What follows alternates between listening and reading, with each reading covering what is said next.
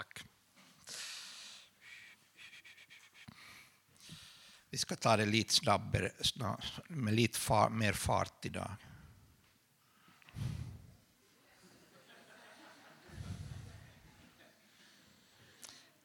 Här var det vi var igår.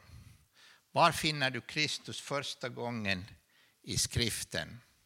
Du finner honom i det första kapitlet i Bibeln. Första boken, första kapitlet, första versen, första ordet, första delen av första ordet, bö, reshit.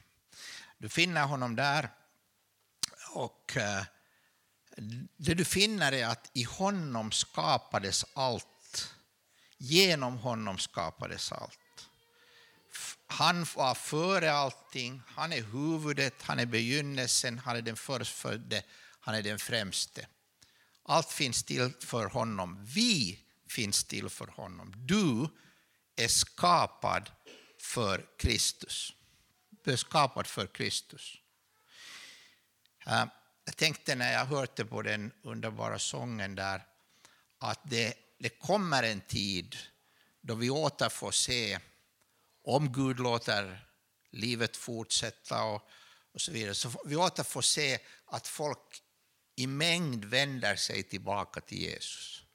Vi har en tid nu med mycket frafall, med, med, med mycket tomma kyrkor och, och annat, men vi får se en tid då folk kommer tillbaka. Och en möjlighet är att det sker helt enkelt därför att evangeliet och Guds kärlek har en, inne, en, en, en dragningskraft.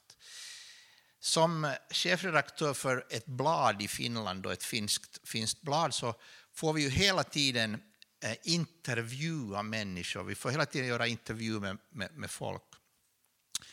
Och en som var väldigt eh, underbar att publicera här för en tid sedan var en, var en ung dam som hade, äh, äh, hade haft det väldigt svårt i sitt liv och, och som var väldigt osäker sen, sen ung om vad hon är egentligen, vem hon är med sin identitet. Och så skulle hon in för operation att, att, att bli, bli, bli en, en, en gutt istället för en, en pike som hon var. Och eh, det var ju väldiga saker som hon gick och funderade på. Hon hade beställt tid, hon hade börjat med hormonbehandling. Och så gick hon längs en gata och så hörde hon kyrkoklockan ringa. Och så stannade hon och såg på korset. Bara, bara gick där och så vände sig och såg på korset. Och så allt det hon hade sen barn hört om Jesus och allting.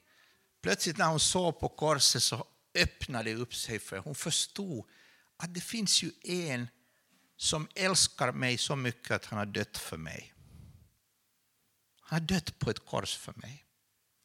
Och bara det att hon stod på en gata, såg på ett kors, det blev en så väldig upplevelse för henne så hon slutet med hela processen gick tillbaka, fann sin identitet i Jesus Kristus och bygger nu sitt liv på tron i Jesus Kristus och så småningom finner en balans. Hon var skapad för Kristus. Hon fann inte sig själv innan hon fann Kristus. Du kan inte veta vem du egentligen är innan du kommer till Kristus. Du kan inte, du kan inte finna dig själv genom operationer och genom eh, allt möjligt. Utan du, du kan bara finna dig själv när du kommer tillbaka till det du är gjord för. Det du, det du är skapad för, det du, är, det du finns till för. När du kommer tillbaka till Kristus. Och så bygger du din identitet på Kristus. Det är väldigt många idag som är väldigt, väldigt upptagna av vad andra människor tänker om mig.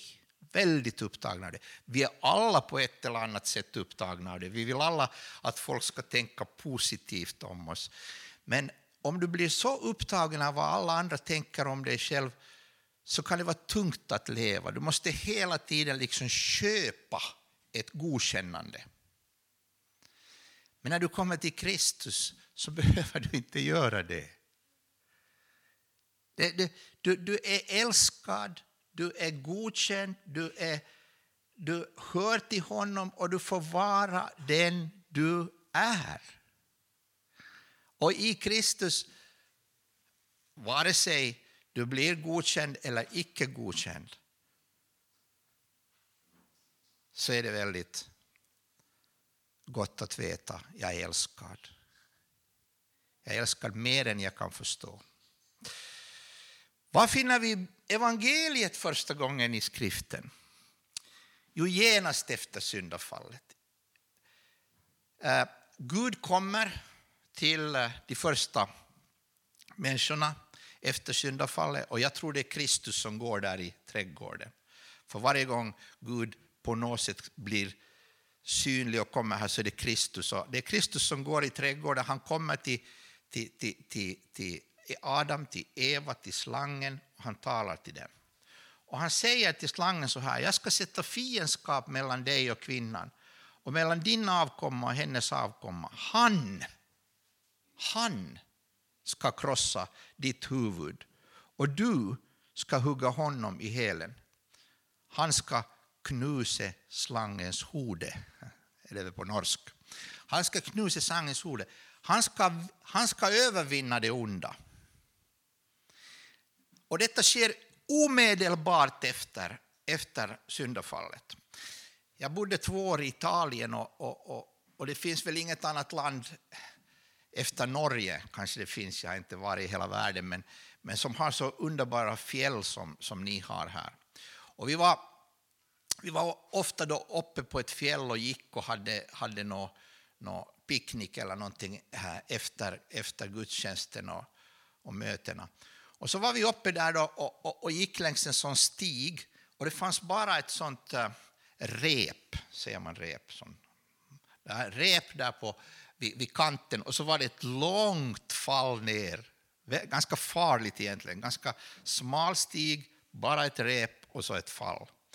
Och så guiden som gick med oss och berättade att en gång när de var ute där så gick det väldigt bra först, men så plötsligt i ett sted så var det en, en liten gutt som, som ingen följde med och han fick syn på något där nere i backen och han bara äh,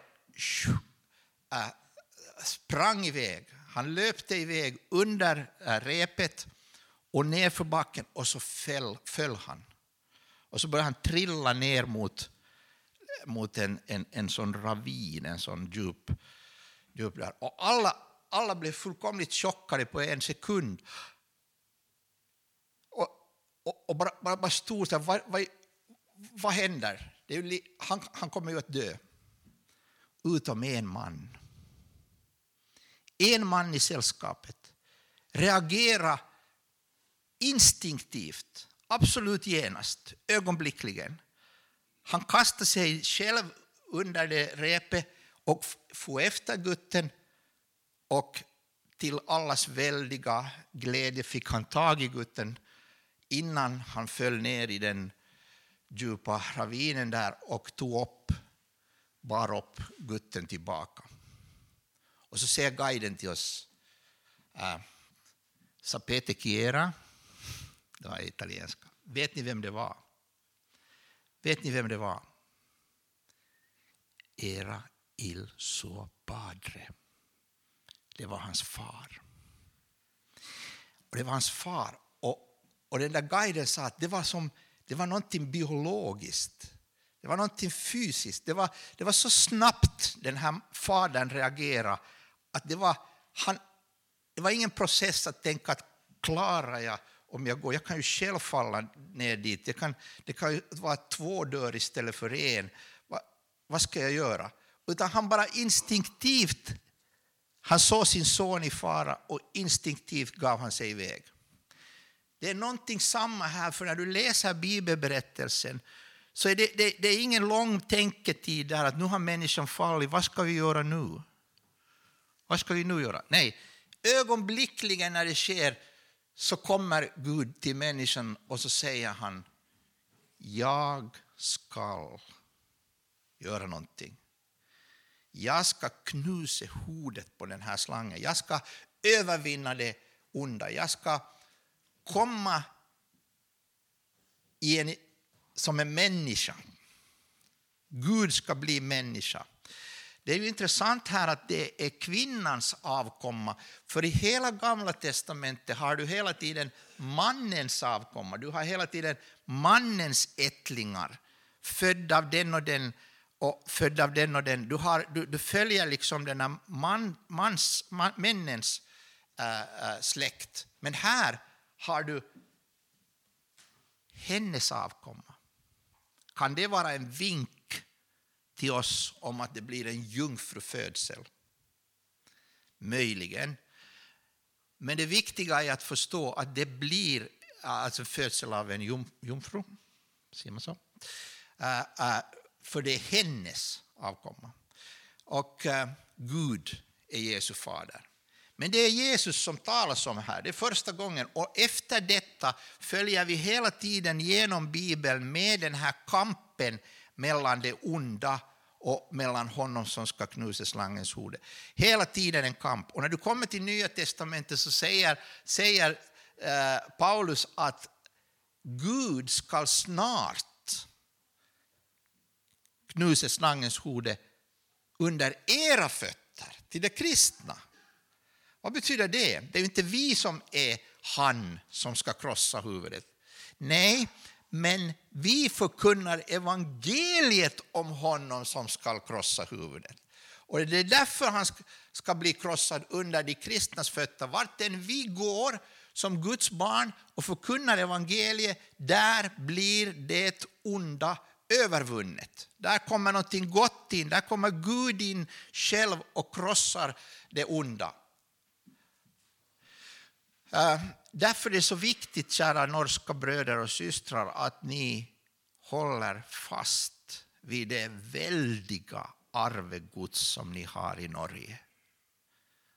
Av alla nordiska länder har fått så mycket av Gud. Vi har, vi har, vi har, alla, vi har vissa saker gemensamma. Eh, vi har sångskatter gemensamma. Vi har eh, Eh, förkunnare som vars böcker läses i alla de här länderna. Det är väldigt viktigt att ni, speciellt i Norge, för Norge har kanske mest av detta arv, att ni håller fast vid det här arvet och förkunnar detta evangelium hurudan tiden än är och blir. Så är det väldigt viktigt, för det kommer en tid när Gud med sin ande återkommer över dessa länder om vi lever vidare och, och ger oss en möjlighet att komma tillbaka genom ordet. Men det sker aldrig utan Guds ord. Det sker inte direkt från himlen som utan det sker när ordet förkunnas, när ordet tros, när ordet läses. Tänk att vi kristna i Sverige som förändrar hela kulturen äh, på, i, i, i, i, i 1800-1900-talets gräns där, då kom ju väckelsen. Och vad kallades de kristna? Läsarna. Läsarna. Varför kallades de läsarna? Därför att de läste. De läste Guds ord och de läste böcker och de läste om missionen. Och så förstod de att det finns människor som inte har, har fått höra om Jesus. Och tiotals år innan någon hade använt ordet internationell solidaritet eller talat om att vi ska vara solidariska med folk så hade de här missionsvännerna sytt eh, och eh, lagat kläder och allt möjligt och sänt ut, sänt ut över hela världen och sänt ut missionärer. Och de här missionärerna kom bland annat till Etiopien Kyrkan var liten, liten i Etiopien. Idag är det världens största lutherska kyrka med över fem miljoner medlemmar. Och det är så mycket folk som döps och, och, och blir kristna att det inte räcker med präster och undervisning. Vi har samma sak på många andra ställen. Vi skulle kunna använda hundra nya präster omedelbart, hundra nya pastorer i Ryssland, i Ingermanländska kyrkan, där jag har varit flera flera, flera år och är pastor själv där. Så det, det, det är liksom, vi har så väldigt mycket arbete och, och Gud kan göra det om, om vi håller fast. Om vi håller fast. Och så är det många av er yngre här, underbart att ni sitter här och lyssnar på den här svenskan. Tack ska ni ha för tålamodet. Så är det många av er som Gud kan lägga en kallelse på och säga att mm, jag vill ha dig för denna uppgift att resa ut och förkunna evangelium till världens yttersta gränser. Tänk, tänk på det här som min son sa för tio år sedan när han skulle ut till Japan med sin familj. Så sa han till min fru och mig att vi har en nyhet. Och vi tänkte att det kommer ett barnbarn till förstås eller någonting. Och så satt vi oss ner och så sa de, mamma, pappa, vi ska ut i missionsarbete. Vi ska till Japan. För vi har tänkt så här.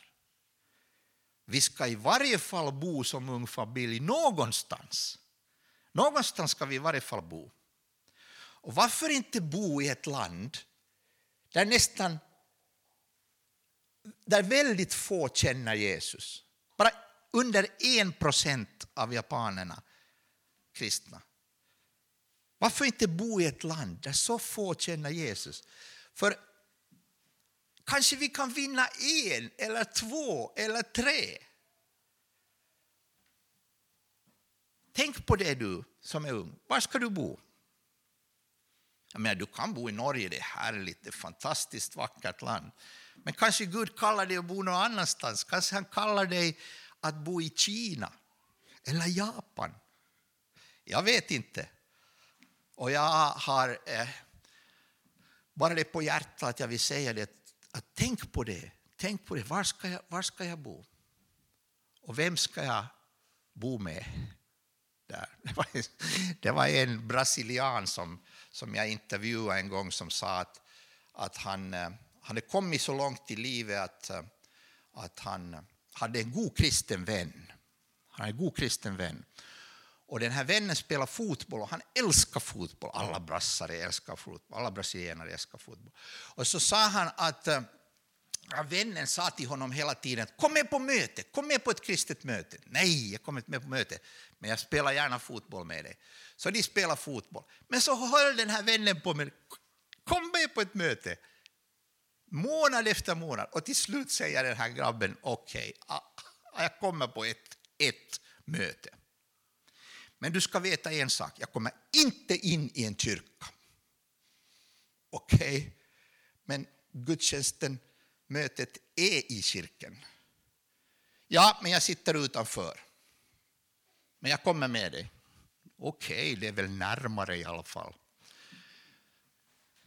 Nu ska du höra. Han kommer till kyrkan. Det är en vacker solig dag. De kommer lite, lite just innan mötet börjar och plötsligt öppnar sig kyrkedörrarna och alla kommer ut. Och pastorn säger Ja, vi ska vara ute idag för det är så vackert väder. Jag bestämde mig just att vi ska ha möte ute på kyrketrappen. Ah, där sitter den brasilianaren och wow. Och så säger han, jag hade tre frågor som jag hade funderat ibland på i mitt liv. Finns det någon som egentligen älskar mig? Som jag är? För det andra, har, min, har mitt liv någon mening egentligen? Och för det tredje, finns det någon uppgift för mig? Någonting som jag ska göra? Och så sitter han där och så rullar på de här frågorna igen en gång. Och så säger pastorn, jag har tre punkter i min predikan idag. Nummer ett, du är älskad. Nummer två, ditt liv har en mening. Och nummer tre, du har en uppgift. Och så sitter den här killen där och säger What is going on? Hur kan det här vara möjligt?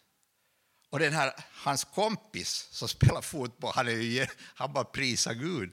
Han, Och så blir han omvänd, blir kristen, kommer till ett missionsmöte och så säger han Gud, jag är så beredd att bli missionär. Och så kallas alla fram som, som vill bli är beredda att resa ut om Gud äh, kallar dem. De är beredda att komma fram och säga jag är färdig att resa ut.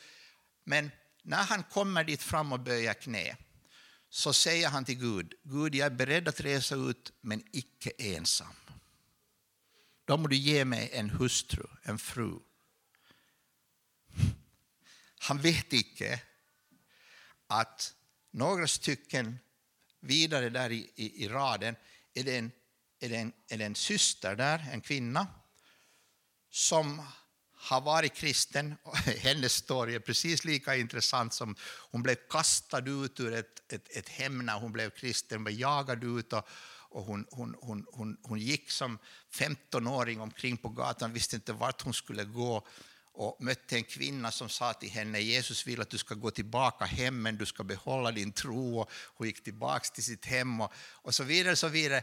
Och så kommer hon till samma missionsmöte, några emellan där men så är hon också där på knä och så säger hon till Gud jag är beredd att läsa ut i missionen men inte ensam. Mm, ja, men det hjälper ju inte om du ber där så här. Nej, men det hjälper om ni går på kaffe. För sen går de på kaffe och sitter mitt emot varann. Och så berättar hon för honom, ja vet du, jag var fram till altaret där och jag gav mitt liv åt Jesus, men jag reser inte ut ensam. Inte jag heller. Alltså, Det är så, vet du, ibland har Gud humor. Och hur mötte jag det här? Jag mötte dem i, i, i missionsarbete i Rumänien där de gjorde barnarbete tillsammans och min dotter från eh, Finland var ute där med Operation mobilisering i, i Rumänien och Eh, de, var, de var tillsammans där. Och hon berättade om det här paret så jag ville intervjua dem och fick den här intervjun med dem. Så Gud ordnar det där. Du kanske ska resa ut ensam. Det är inte bortslutet. Men det kan också hända att du vill ha, ha någon med dig och du kan vända dig till Gud. Du kan vara öppen, du kan vara ärlig.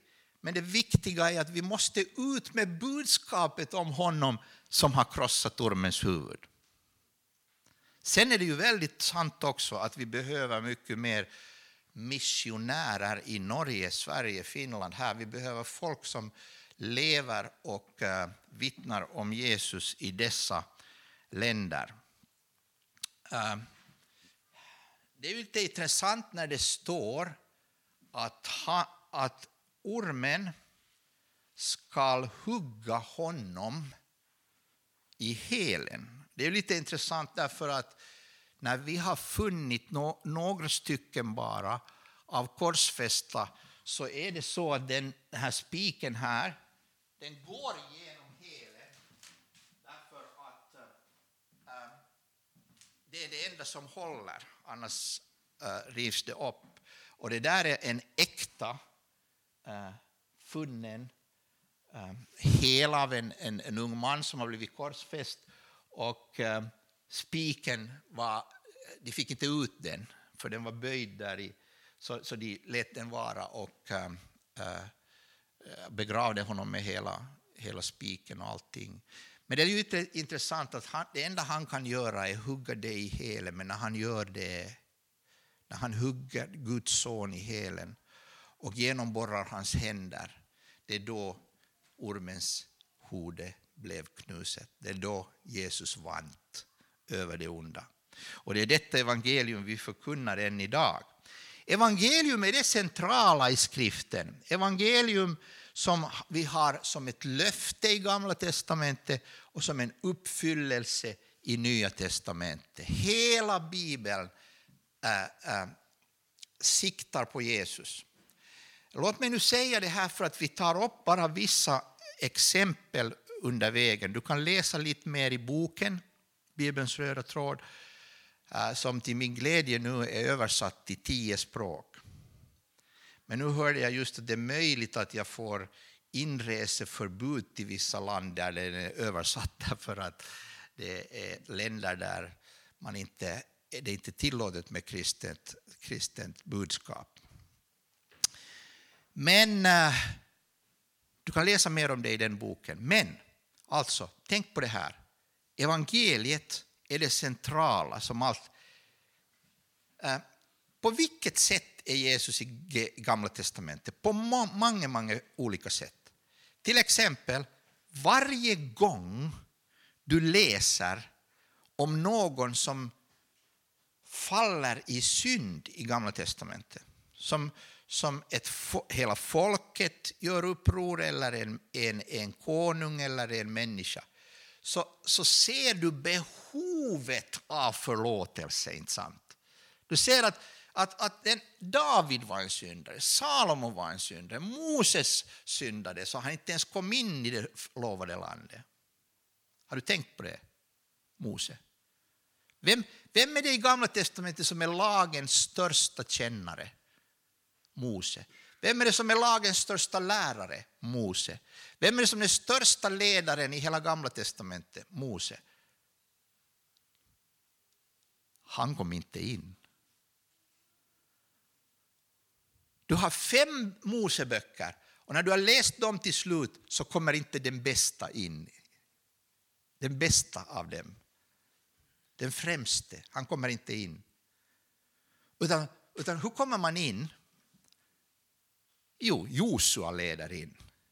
Joshua. Jeshua.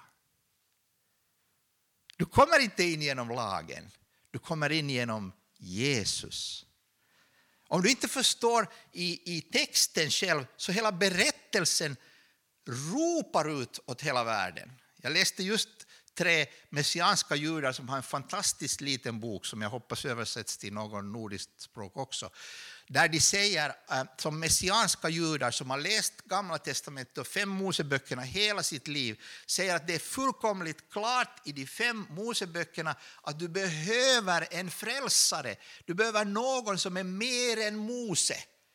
För Mose kom inte själv in, Moses. Han, han, han stannade vid gränsen. Så du kan inte komma in genom lagen. Du behöver evangeliet. Och det evangeliet som är lovat i Gamla testamentet är uppfyllt i Nya testamentet. Eh, låt oss innan vi går vidare se snabbt på de här stora vändpunkterna.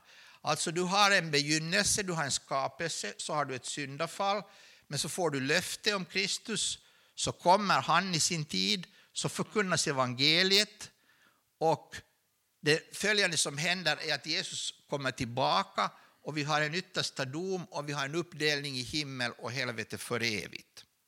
Så du har en, en historia med historiska händelser och med vissa som är viktigare än de andra.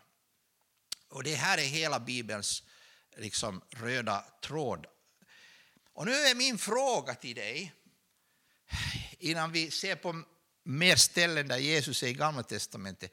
Vilken syn på livet är det du lever med? Lever du med den här moderna ateistiska synen på livet? Hur är det den går? Vi kommer från intet. Vi är på väg till intet. Och du och ditt liv här och nu, vad kan man säga om det? Ja, man kan säga som den kände fysikern Lawrence Krauss som är ateist, en av nyateisterna och reser omkring och här är hans budskap. Du är mycket mer betydelselös än du någonsin kan tänka dig. Det är hans evangelium. Du är mycket mer betydelselös.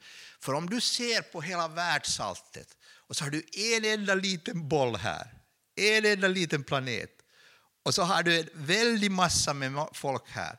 Och så har du ett litet land, Norge, och så har du en liten människa. Så du är mycket mer betydelselös än du någonsin kan tänka dig. Det här är en livssyn som många har idag. Och jag påstår att det att de fortfarande ler och har, så, har, så, har det så fint i livet och så, det beror på två ting. För det första att Gud är god och han ger sin godhet till ateister och till kristna. Han, han låter oss njuta av livet, han låter solen gå upp, han låter maten smaka gott, han låter färgerna vara i all sin färg och så vidare. Men det andra är att de har aldrig tänkt igenom sin livssyn. De har aldrig stannat upp och tänkt, vad är det jag tror egentligen?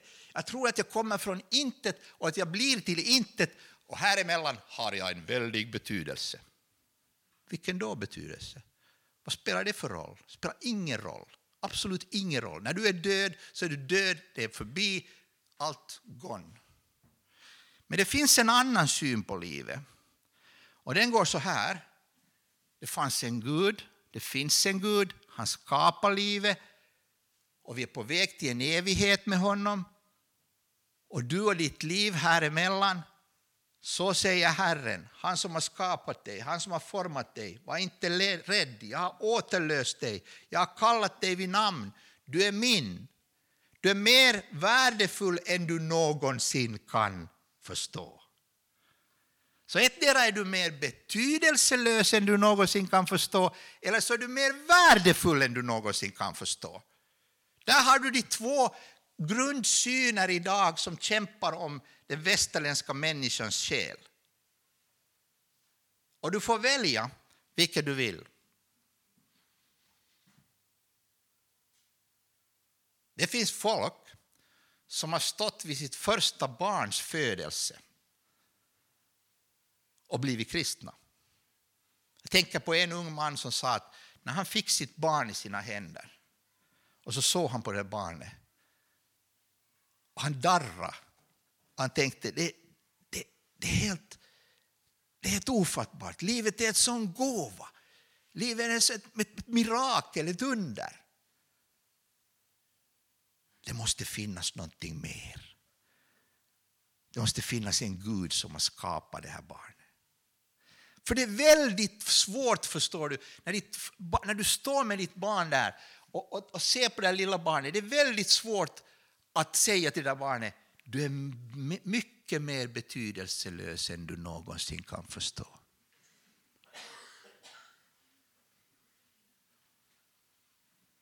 Men, först, men, men kan, kan, du fatta att det, det, det, finns folk som predikar detta dag och natt och som menar att detta är grunden så att vi får ett gott liv. Vi måste få bort de kristna, få bort religion, få bort Gud så att vi får ett liv som är mycket mer betydelselöst än någon av oss kan förstå.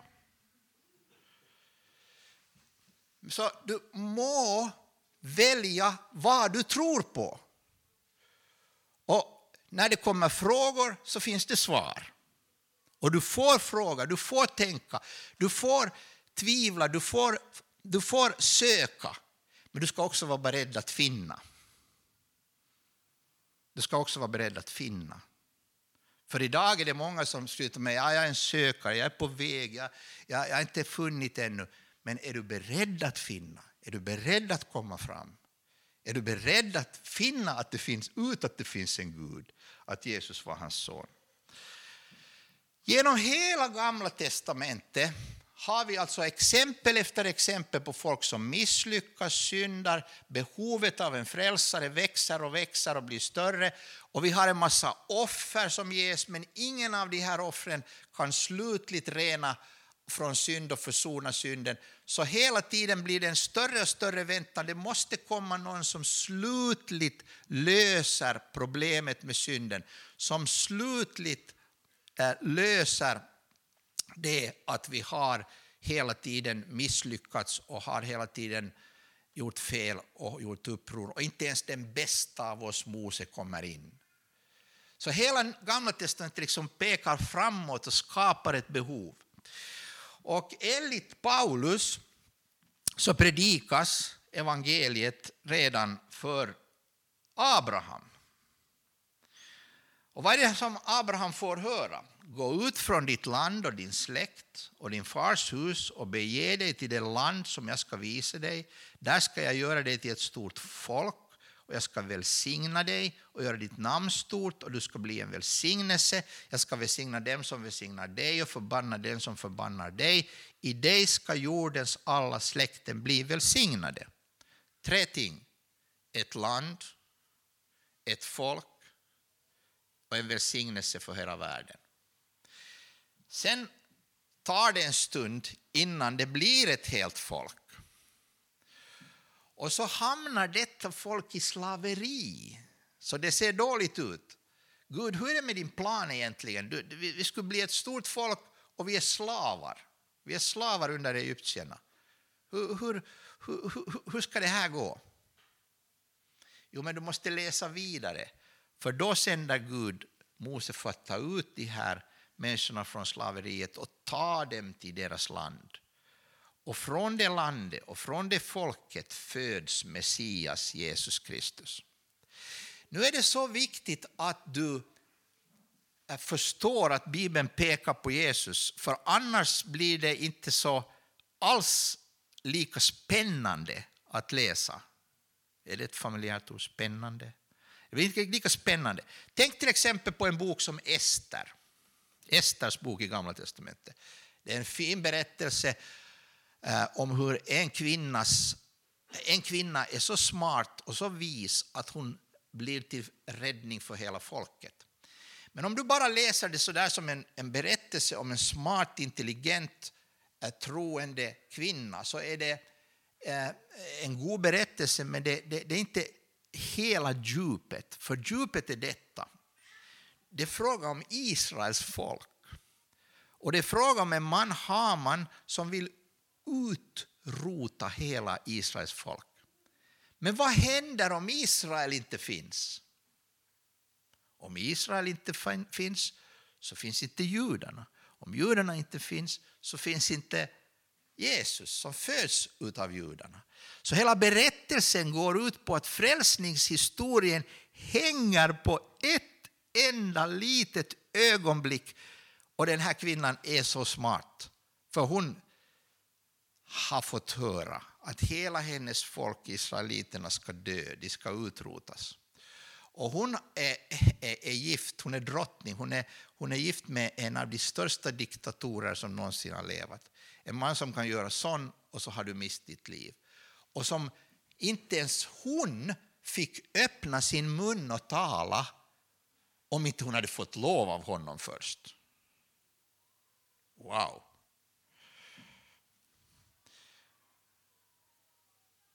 Och så ska hon tala om för honom att det är någonting på tok nu, för de kommer att försöka utrota mitt folk. Men istället för att säga det där så säger hon till den här diktatorn, hennes man, så säger hon om jag skulle ordna med en fest, ett riktigt härligt party, skulle du komma? Mm. Ja. Okej, okay, då ordnar jag det.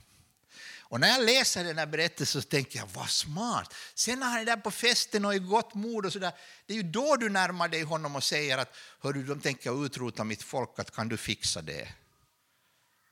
Ja, men det är ju smart. Jo, men, men hon gör inte det. Utan när festen är som bäst så kommer hon till honom och så säger hon, hör du, om jag ordnar en fest till, kommer du på den? Okej? Okay? Ja. Och jag tänker att vad i hela världen, varför ska du tala nu om för honom redan? Säg det redan. Nej, hon bara förbereder och förbereder. Precis som min fru. Alltså förbereda och förbereda. Och sen till slut när jag, när jag anar det minst och när jag är i det svagaste ögonblick så då...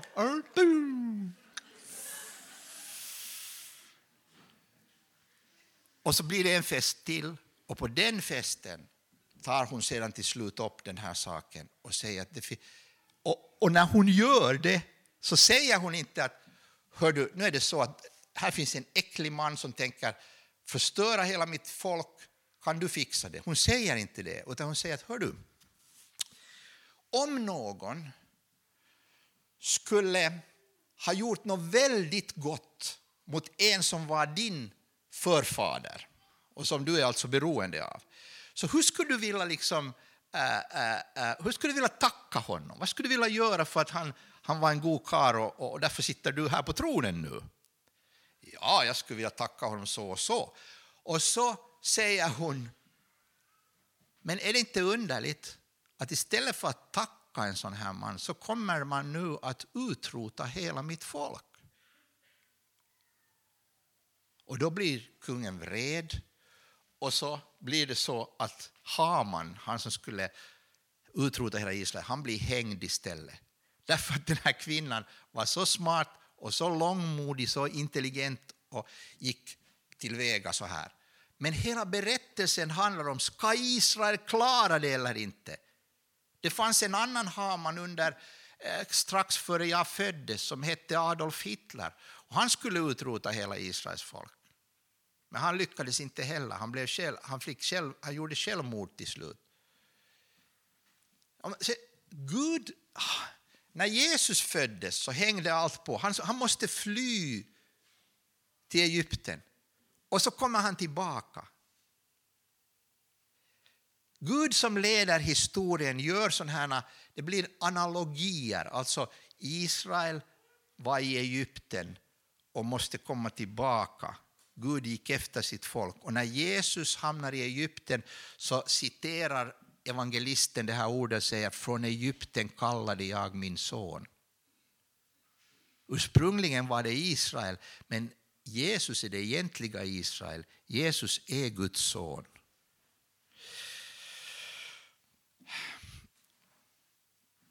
Sen kommer de till Egypten och är slavar där. Och så ska de ut därifrån. Och hur sker det? Jo, uttåget ur Egypten. Israeliterna räddas genom blodet av ett felfritt lamm. Mose kallade till sig alla de äldste i Israel och sa till dem, gå och hämta ett lamm för varje hushåll och slakta påskalammet. Ta en knippa i sop och doppa den i blodet som i skålen och stryk blodet på den övre dörren och de båda dörrposterna. Ingen av er får gå ut genom dörren till sitt hus före morgonen, för Herren ska gå fram för att slå Egypten. Men när, ser, när han ser blodet på det övre dörrträet och de båda dörrposterna som kan gå förbi dörren och inte låta fördärvaren komma in i era hem och slå er. Det är mycket intressant här. För det första, ett felfritt lamm.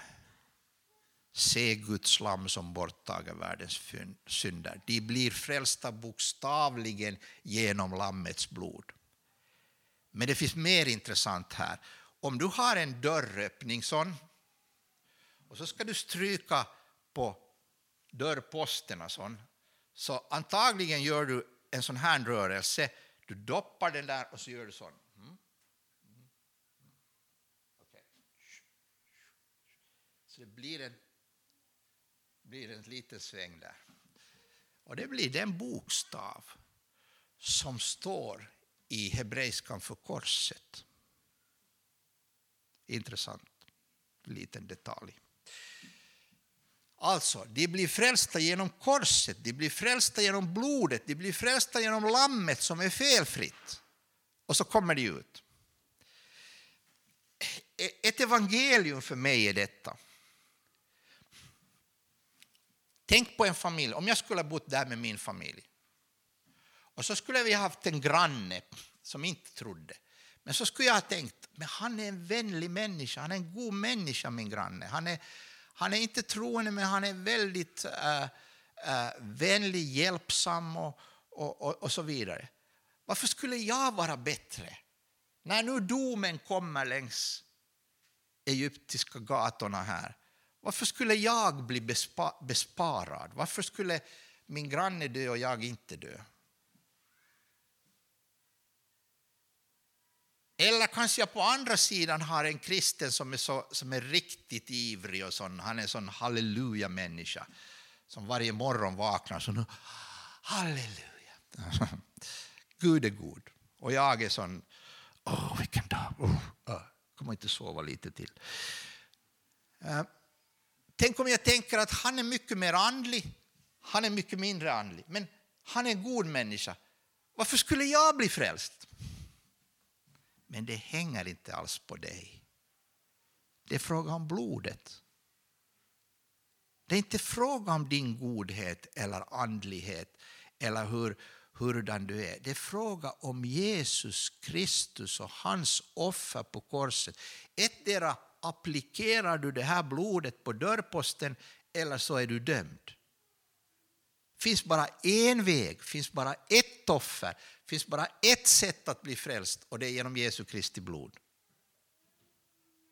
Och det är ingen skillnad hur du upplever dig. Det är inte, det är inte så att de dagar du har det riktigt gott och känner dig riktigt andlig och så, då är du nära Gud. Men sen när du känner dig riktigt dålig och så, så är du bort. Det är inte så. Du är lika mycket Guds barn i alla situationer när du är frälst genom Jesu blod.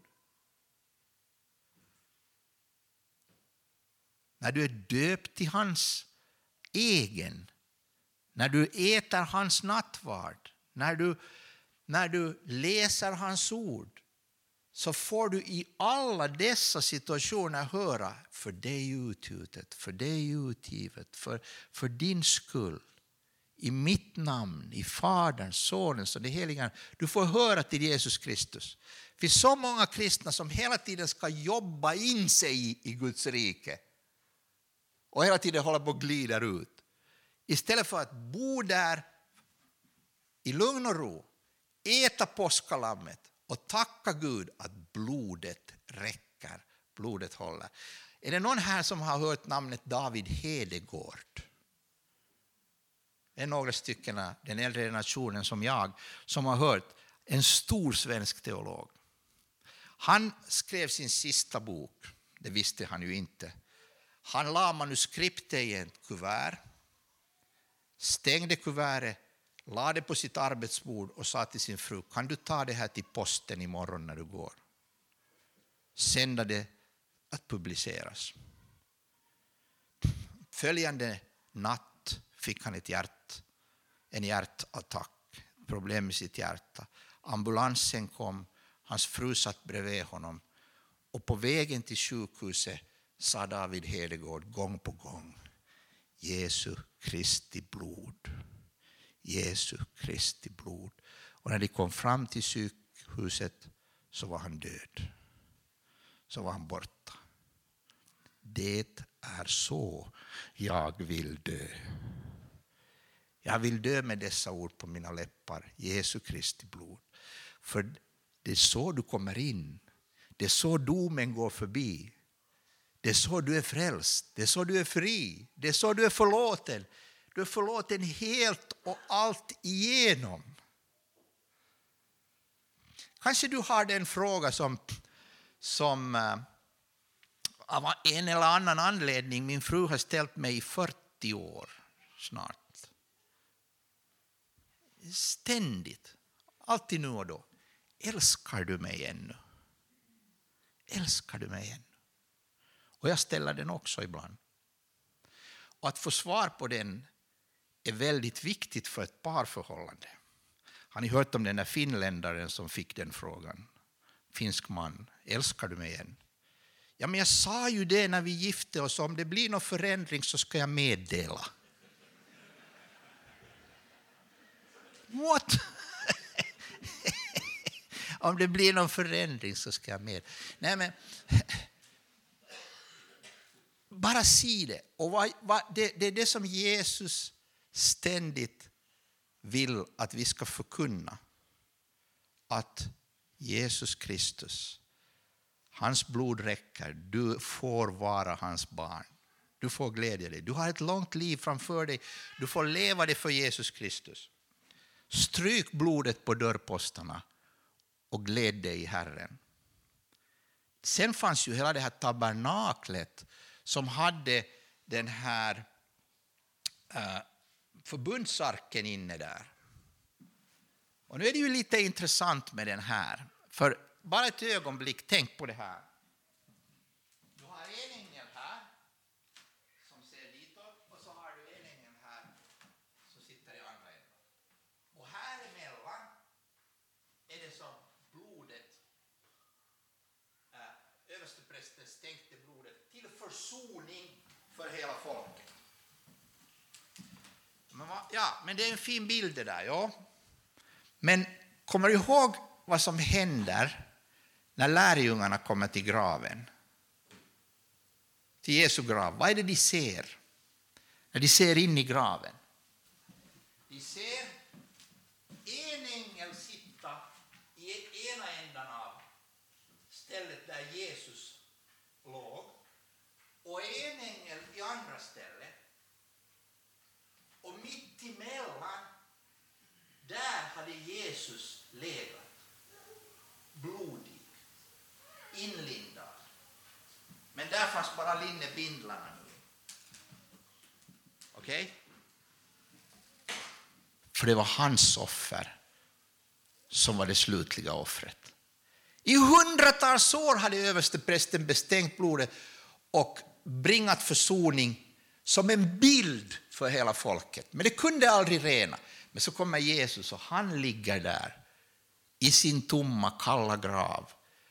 Och det är en ängel på båda sidorna. Och han, ligger, han är det slutliga offret för hela universum som gör slut på alla andra offer. Så det är en väldig bild och det är en väldig mängd offer. Och eh, vi hinner ännu med den stora försoningsdagen. Då eh, ser man bock på norska, bocken, eh, bär bort israeliternas synder. Det sker alltså så att du, du samlar hela folket, du samlar allihopa, män och kvinnor, barn och vuxna. Och så ha, kommer översteprästen och så tar han den här bocken in framför hela folket och så bekänner han folkets synder över den här bocken. Och när, när, när Bibeln berättar om det där så upprepar Bibeln. Alltså, nu när vi skriver en bok så kan vi ju använda olika teknik. Vi kan kursivera texten, vi kan bolda texten, vi kan, vi kan göra det på olika sätt. Vi kan uh, understräcka eller, eller färga texten. Men det kunde de inte när de skrev Bibeln ursprungligen. Så vad gjorde de? Jo, de upprepa, upprepa gång på gång, på ny och på ny. Och det betyder att när, det, när du läser om det här, när bocken kommer fram inför hela folket, så står det han bekände alla synder. Hela folkets alla synder. Alla synder lades på. Det upprepas minst tre gånger alla där för att understräcka att det är fråga om att man tar allt, all den syn som finns hos folket, hos var och en, alltihopa. Och bocken får bära allt det där ut i öknen. Se Guds lam som borttager världens synder. Hela den här stora försoningsdagen förkunnar den stora försoning som Jesus kommer med hela Gamla testamentets offer system, hela, hela det väldiga systemet förkunnar att det måste komma en frälsare, vi måste ha ett slutligt offer och han kommer, Gud håller sitt löfte, Jesus kommer och han ger detta offer och detta offer räcker. Och när vi predikar det här offret så sker det undre att det föder tro och att folks liv blir förvandlade och att de börjar leva ett nytt liv där Gud, Jesus Kristus, är det centrala. Låt mig avsluta med att gå tillbaka till den här frågan om vilken syn på livet du har. För eh, när vi lever här så är det viktigt att förstå att eh, vi lever enligt den här bibliska synen där vad är det vi har bakom oss? Vi har bakom oss korset. Det senaste som har hänt, det stora i min, mitt förflutna, det är det att Jesus dog för mig. Det är det största som har hänt innan jag föddes. Det följande som ska hända är att Jesus kommer tillbaka. Och den här tiden här, det är ändens tid, hela den här tiden. Och du lever nu i den här ändens tid. Och det kommer antikrist och det kommer en massa äh, frafall och det kommer en massa. Men du, du, du ska leva så att du kommer ihåg var du kommer ifrån. Du är skapad av Gud, du är försonad av Jesus Kristus på korset och du ska leva för honom som kommer tillbaka och som du ska stå inför en dag och göra räkenskap för hela ditt liv, all den tid du har brukat alla de tankar du har tänkt, allting kommer fram i ljuset på den dagen. Och det är så välsignat att leva under Jesu Kristi blod på väg till ett möte med honom. Gud välsigne dig, tack.